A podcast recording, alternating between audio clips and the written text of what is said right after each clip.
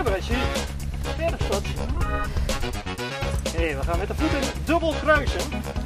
In één keer door. Gebruik vooral je heupen om te draaien. Ehm, goed mijn ademhaling onder controle houden. En proberen op een één punt te, te concentreren. Oh ja, toen was het van, toen kreeg ik de eerste delen van eh Shaolin Tempo. En toen was het van, oh, het is eigenlijk wel leuk. Ik ga dit wel blijven doen. Toen dacht ik van, ik, moet, ik wil zelfverdediging gaan doen. Om mijn zelfvertrouwen te kweken. En Yaku! Judon! Kom in Tsuki mee. Hè, wat? Yaku wil zeggen overeenkomstig je achterste been. Dat is de vuist die gaat stoten. En Komitsuki, dat is een draaiende stoot. Dus de vuist die komt van de zij, gaat naar voren en draait tot de knokkels omhoog wijzen. Precies. Judon is de hoogte, borsthoogte. In- we zijn weer in Houten en we zijn weer op bezoek. En ik eh, ben zelfs aan het eh, meetrainen op dit moment. Eh, met wie spreek ik? En waar zijn we? En wat wordt hier gedaan? Ik ben Imre van der Bijl. Eh, je bent eh, in mijn school voor vechtkunsten, Mochi Martial Arts. In onze eigen dojo hier in Houten op de plantage. Eh, wij trainen hier vechtkunsten en dat zijn twee verschillende stijlen. Eh, de ene stijl, daar ligt mijn eigen achtergrond. Dat heet Shaolin Kempo, eh Shaolin Chuan Fa zeggen we ook wel. En de andere stijl heet Hao Chuan Kung Fu. Ehm, de eerste die ik noemde, dat is een, nou, laten we zeggen, makkelijk gezegd een drakenstijl kung fu. Daar zitten verschillende dierstijlen in samengevat. En de tweede is zo mogelijk nog zeldzamer, dat, dat is een apenstijl kung fu. Ehm, nou ja, de naam zegt het al, vooral het, nabootsen van de bewegingen van, eh, van de aap. Dus dat is, eh, dat is wat hier gebeurt. Ja, en ik, ik zie al eh, veel gebeuren. Ik mocht met, ik mocht met de warming-up meedoen. Ja, ik zie iedereen van, van jong, of, jong en oud zie ik hier eh, in, in de groep staan. Die trainen op dit moment. Waarom is het zo leuk? Eh, ik, ik denk, hè, en dan ga ik ook een beetje af op mijn eigen ervaring, eh, maar dat dat vooral zit in de enorme diversiteit aan mogelijkheden die het biedt. Ehm, eh, we hebben grofweg twee delen in de training. Het eerste deel is echt gericht op eh, het fysieke welzijn, zeg maar. Dus eh, een warming-up, maar dan een flinke. Dus we warmen eerst goed op, maar dat, dat trekken we door naar, naar of een goede conditietraining of een goede krachttraining. Of een mix van beide. Er zit ook heel veel cardio in. Maar ja, de, de sport vereist natuurlijk ook wel wat lenigheid bijvoorbeeld. Dus we doen ook goede rek- en strekoefeningen. Ehm, en ook in het eerste deel komt vaak ademhaling naar voren of meditatie. Dus al- alleen al in het eerste uur van de twee zit, zit verschrikkelijk veel diversiteit aan oefeningen en dingen die we doen. En dan komt het tweede deel waar we ons echt focussen op techniek. En bij techniek moet je dan denken aan, eh, nou ja goed, wij, hanteren eh, drie principes zeg maar. Isolatie, integratie, improvisatie. Ehm, isolatie, dan ga je echt aan de gang met of een stand bijvoorbeeld. Hè. Hoe zorg je dat je stevig staat, dat je, dat je echt geaard bent. Eh, of de techniek zelf, zoals het geven van een goede stoot, een goede slag. Eh, en ja, als je daarin duikt, dan moet je echt denken aan, aan eh, de verschillende aspecten van één techniek waar je rekening mee kunt houden, waar je op kunt focussen.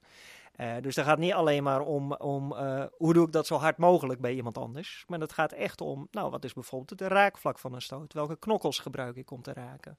Hoe moet ik mijn hand houden om dat goed te kunnen doen? Met welke beweging voer ik dat uit? Eh, en, en ook hoe kan ik daar het beste bij staan en die stand gebruiken om die beweging in gang te zetten. Ja, want ik, ik, heb, ik heb zelf net meegedaan. We zijn, we zijn in de pauze en ik moest bij, de, bij het opdrukken moest ik mijn knokkels helemaal op de grond zetten. En dat, dat lukte mij gewoon niet. Ja.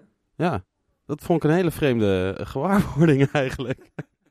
Ja, nou eigenlijk is dat, zou je kunnen zeggen, een ondersteunende oefening. Dus wij drukken eigenlijk standaard op op de knokkels. En dat zijn dan niet alle knokkels van de vuist, maar dat zijn specifiek de knokkels van de wijsvinger en de middelvinger. Ehm, want die vormen het raakvlak bij het geven van een stoot. Dus op die manier is het echt ondersteunend aan het oefenen van het raakvlak van een stoot. Daarnaast, als je op deze manier opdrukt, dan moet je de polsen recht houden. Eh, als je dat niet doet, dan zak je gewoon door je armen heen bij het opdrukken. Eh, en dan land je met je neus op de grond. Dus dat is niet handig. Dus het is een, ook een vaardigheidsoefening om je, je polsen goed recht te houden. En dat heb je weer nodig als je een stoot uitdeelt. Als dan je pols omklapt, ja, dan, dan heb je een risico om, eh, in een extreem geval, om hem te breken zelfs. Dus het is ondersteunend aan, eigenlijk het geven van een goede techniek. Kan je nog herinneren dat jij het voor het eerst keer deed? Ja, eh, heel specifiek zelfs, want dat was op 3 januari 2004. Eh, op een of andere manier heb ik dat altijd onthouden. Ehm, mijn toenmalige vriendin was zwanger van mijn, eh, van mijn eerste dochter. En eh, ik had echt behoefte aan, eh, aan sport, aan, eh, aan een, ja, iets om ehm, mijn zinnen te verzetten.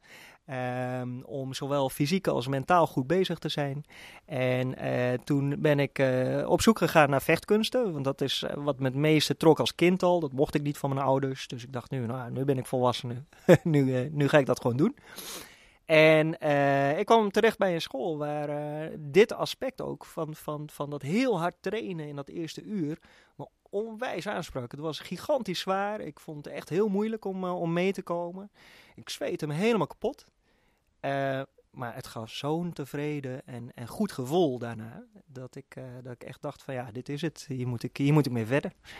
Ja, even, even twee dingen dan. Wat- ik ook heel mooi vond, is dat de afwisseling tussen echt gewoon kapot gaan fysiek. Met oefeningen waar eh, je core of je armen gewoon bij mij in ieder geval totaal niet getraind is. Eh, maar ook het onderlinge respect. Dus we stonden net ook in een, eh, net ook in een rondje. En dan moest je elkaar met een, op twee manieren slaan. Maar dan moest je echt heel duidelijk aangeven: ja, dit is hard genoeg. Ja, dit is zacht. Of te zacht. Of dit is precies goed. Wat, welk onderdeel heeft het respect en discipline bij deze sport? Gigantisch. Ehm, ik eh, vind dat ontzettend belangrijk. Dat heeft eh, eh, als achterliggende gedachte dat je je traint om zo goed mogelijk te leren vechten. Hè? Dus vechten is uiteindelijk ook een onderdeel van onze sport. Eh, in het begin doe je dat nog niet met elkaar. Ehm, maar naarmate je verder komt, je niveau stijgt, dan ga je echt met elkaar in gevecht. Nou, stel je voor dat je dat doet zonder dat je enig benul hebt van ehm, onderling, eh, hoe zeg je dat, van omgangsvormen, eh, van, van hoe je dat eh, voorzichtig doen, moet doen met elkaar. Eh, uiteindelijk, je mag elkaar gewoon raken met technieken. Maar als je helemaal losgaat, ja, dan, heel simpel gezegd, leer je er allebei niks van. Hè? Stel, een van de twee is veel sterker dan de ander. Die slaat de ander helemaal tot moes. Ja, degene die tussen haakjes gewonnen heeft, ja, die heeft er echt niks van geleerd hoor. Die is er niet beter van geworden. En degene die, die op de grond ligt, al helemaal niet. Dus dat respect hebben voor elkaar en eigenlijk de instelling hebben altijd van als je dat gevecht met elkaar aangaat, dan doe je dat met de bedoeling om er allebei beter van te worden. Dat, dat is basisgedachte. Eh, en daar, ja, daar moet je mensen, en dat maakt de leeftijd eigenlijk niet zoveel uit, maar daar moet je mensen voor opvoeden. Eh, dus dat zijn hele belangrijke onderdelen bij mij in de school. En ja, daar hamer ik continu op. Dus eh, dat ligt in kleine regeltjes die, die, die we aanhouden. Je maakt een buiging naar de zaal als je die betreedt of als je eruit gaat. Je hebt namelijk de respect voor de ruimte die je gebruikt, waar je traint. Maar je maakt ook een buiging naar elkaar als je een oefening met elkaar gaat doen en als je hem afsluit. En zo zijn er nog wel meer regels die we gebruiken en die telkens herhaald worden om te zorgen dat dat soort dingen inslijten, zeg maar. En nou ja, je ziet het volgens mij terug aan de leerlingen. Uh, het heeft als uitwerking dat het niet alleen maar een gekunsteld gebruik is, maar dat ze daadwerkelijk elkaar zien en met elkaar bezig zijn. En daadwerkelijk respect hebben voor elkaar. En dat is volgens mij groot goed. En dan heb je nog het puntje uh, plezier. Uh, ja, het was mooi weer, dus we gingen lekker naar, uh, naar buiten. Hoe probeer je de lach uh, bij iedereen toe te brengen? Want het kan heel zwaar zijn. ik, ik ging niet lachen. Ja, dat is, dat is altijd een, um, een spanningsveldje, een balans, zeg maar. Um, ik ben redelijk old school in die zin dat ik hard werken erg belangrijk vind. Maar ja, goh, ik draai nu 14 jaar mijn eigen school. En als je alleen maar mensen snoeihard laat werken, dan verlies je ze. Uh, dus die lach die is belangrijk. Mensen moeten er ook lol in hebben. Dus ja, ik werk ook wel met, met humor en, uh, en grap hier en daar. En uh, een beetje vieren en een beetje aantrekken. En dat is een, een, een continu spel van doen en laten. En dat is moeilijk om te benoemen. Maar ja, die balans vinden, die, die is volgens mij heel belangrijk om te zorgen dat je op een leuke manier je eigen school draait. Ja en dan, nou, iemand komt net binnen, zoals de twee personen zojuist. Eh, wa- wanneer ben je tevreden na een x aantal perioden? Over, ja, wat, wat, wat vind jij belangrijk als iemand hier een tijdje zit? de individuele ontwikkeling. En dat betekent dat niemand is hetzelfde. Eh mensen komen hier binnen, nou, zoals eh, een van de twee van daarnet, dat is een vijftiger. Eh daar moet je waarschijnlijk eerlijk tegen zeggen, nou ja, luister, de kans dat je een Bruce Lee wordt, die zal niet zo groot zijn als je op deze leeftijd begint. Maar dat wil niet zeggen dat je je niet kunt ontwikkelen. Dus een ontwikkeling is heel persoonlijk. En eh, mensen die binnenkomen, die komen binnen met eh, verschillende ambitie. En daar zeg ik tegen, nou ja, prima, als dat je ambitie is, dan gaan we daarmee aan de slag. Dat betekent ook dat ik als begeleider een redelijk individueel traject met mensen inga. In een groep. Ehm, maar ehm, eh, zo'n ambitie kan ook nog veranderen natuurlijk gedurende het traject. Eh, maar volgens mij ga je zometeen bijvoorbeeld Michiel nog eh, wat vragen stellen. Hè? Michiel die heeft op een gegeven moment heeft hij uitgesproken... ik wil eigenlijk wereldkampioen worden eh, in Kempo.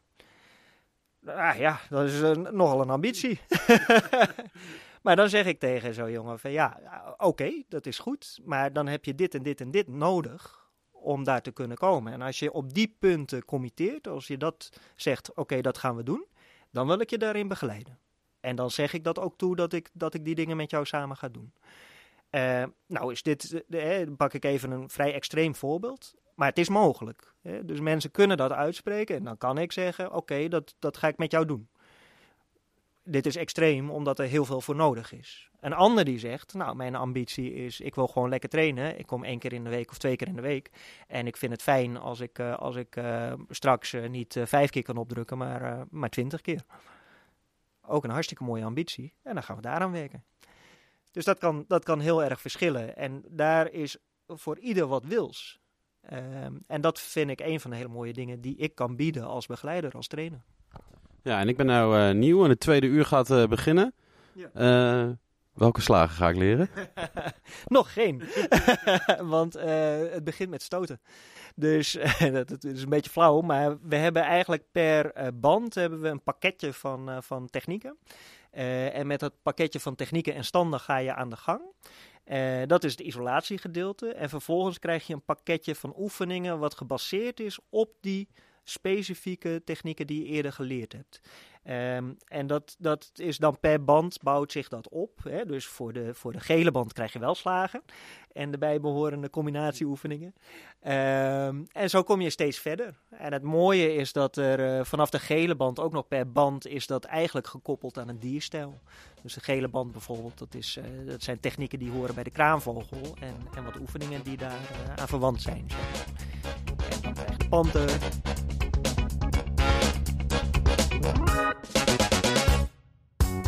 Ja, ik sta dus op, eh, op de mat eh, hier, op de dojo, of niet? Mag ik dat zo zeggen? En eh, ik heb net gewoon even, even geoefend met een wereldkampioen. Nou, je zit tegenover Michiel Verijn. En wereldkampioen worden word je met veel inzet, de juiste mindstate, veel hulp om je heen. Van mijn vrouw gehad, van de sensei, teamgenoten, goede voeding, plantaardig voornamelijk destijds. En hard trainen. Voornamelijk willen. Dat is echt een grote component, het willen. Ja, want wanneer kwam het moment dat jij dacht van, ik wil wereldkampioen worden? Ja, dat is eh, toch iets wat ik ehm, ook bij een andere camperschool toch altijd wel in mijn achterhoofd had. Ik heb eh, veel deelgenomen aan de Nederlandse kampioenschappen. Eh, daarvoor ik eh, wereldkampioen werd, zeg maar, was het eh, altijd derde plek, vierde plek. Is altijd nog wel iets van, oké, ik wil iets meer. Ik wil dat toch een keer bereiken. Toen ik bij eh Imri hier bij Morchi Martial Arts kwam trainen, toen, eh, toen is het gelukt. Zijn we Nederlands kampioen geworden. Met eh, veel trainen, ook echt willen. En eh, uiteindelijk deelgenomen aan eh, één wereldkampioenschap. Daar veel geleerd. Een partij verloren helaas van, van de uiteindelijke kampioen. Nou, ik neem je mee die lessen. Nou, nog een keer gekwalificeerd voor eh, ja, middels de Nederlandse kampioenschappen. En met het wereldkampioenschap in 2018 in Hongarije is het gelukt. Glansrijk. Want eh, voor de beeldvorming, vanaf wanneer doe jij deze, doe jij deze sport? Ja, ik ben in eh, aanraking met deze sport gekomen in 2006. Dat is al een aantal jaar geleden. Toch bij een andere camperschool ook begonnen. Eh, mijn vader die tipte mij ooit een keer van ja, zo, dan moet je echt een keer gaan kijken. Want volgens mij is dat wel iets voor jou. Nou, ben ik daar gaan kijken. En eh, inderdaad, dat super tof. Een beste vriend van mij destijds, die deed ook mee. En eigenlijk heb ik het nooit meer losgelaten. Ja, en waarom dacht jouw vader, hey, dit is iets voor Michiel? Ja, ik denk toch de component van fysiek, mentaal, die combinatie. Gewoon lekker je ei kwijt kunnen. Ik denk dat dat het wel voornamelijk zat. Ja, en dan, eh, dan speel je die wedstrijd om het wereldkampioenschap. Kan je, kan je dat nog een beetje herinneren hoe dat ging en eh, wat je toen voelde? Ja, het was ehm, erg beladen. Ik zat er wel heel erg lekker in, ook in de aanloop er naartoe. Veel, veel uh, privétrainingen ook genomen bij, bij Imre. Um, maar uiteindelijk is die, die dag daar, de grote dag, dat je dus in Hongarije eerst al in het hotel bent met Team Holland. Echt een heel, hele reis is dat al en alles eromheen. Uh, je bent s ochtends vroeg al in de gymzaal om 9 uur met allerlei andere nationaliteiten. Er gebeurt heel veel. Er zijn verschillende tatamis. Dat zijn de matten waar dan de wedstrijden op uh, plaatsvinden. Uh, mijn wedstrijd was uiteindelijk om half tien s'avonds. Maar je weet van tevoren nog steeds niet hoe laat je eigenlijk bent. Dus het was wel even een lange zit. Maar het is dan toch de focus erbij houden. tussendoor goed drinken, goed eten, warm blijven. En dan uiteindelijk is die wedstrijd daar. En dan ik heb er uiteindelijk destijds uh, drie wedstrijden partijen achter elkaar uh, gespeeld. Eerst tegen een Spanjaard. Dat ging heel gelijk op. Uiteindelijk toch uh, de punten mee, meegenomen. Daarna was het tegen een Pol. Dat werd verlenging met een golden point. Dat echt de scheidsrechters unaniem moeten besluiten, beslissen uiteindelijk of, je, of je echt wint, of je het punt maakt. En de finale partij met 5-0 gewonnen destijds. Welke, want er zijn verschillende stijlen, heb ik al begrepen. Welke stijl deed jij toen?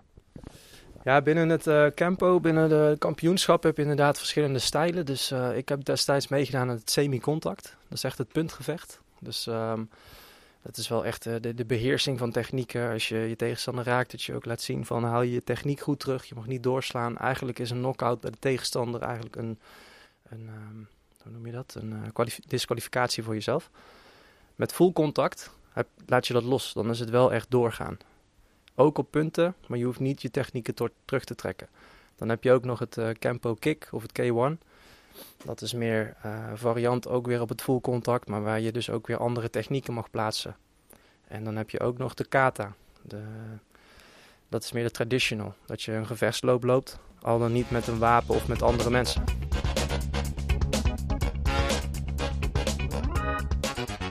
Ja, als je geïnteresseerd bent om uh, bij ons een, uh, een vrijblijvende proefles te komen doen, ben je van harte welkom. Ik vind het altijd fijn als je even wat uh, laat weten van tevoren, maar je kunt ons vinden op www.moorchi.nl of je stuurt meteen een mailtje naar info.moorchi.nl en dan maken we een afspraak en dan kom je een keer langs om mee te doen. Stel je je voeten op het voetenbankje. Lekker relaxed.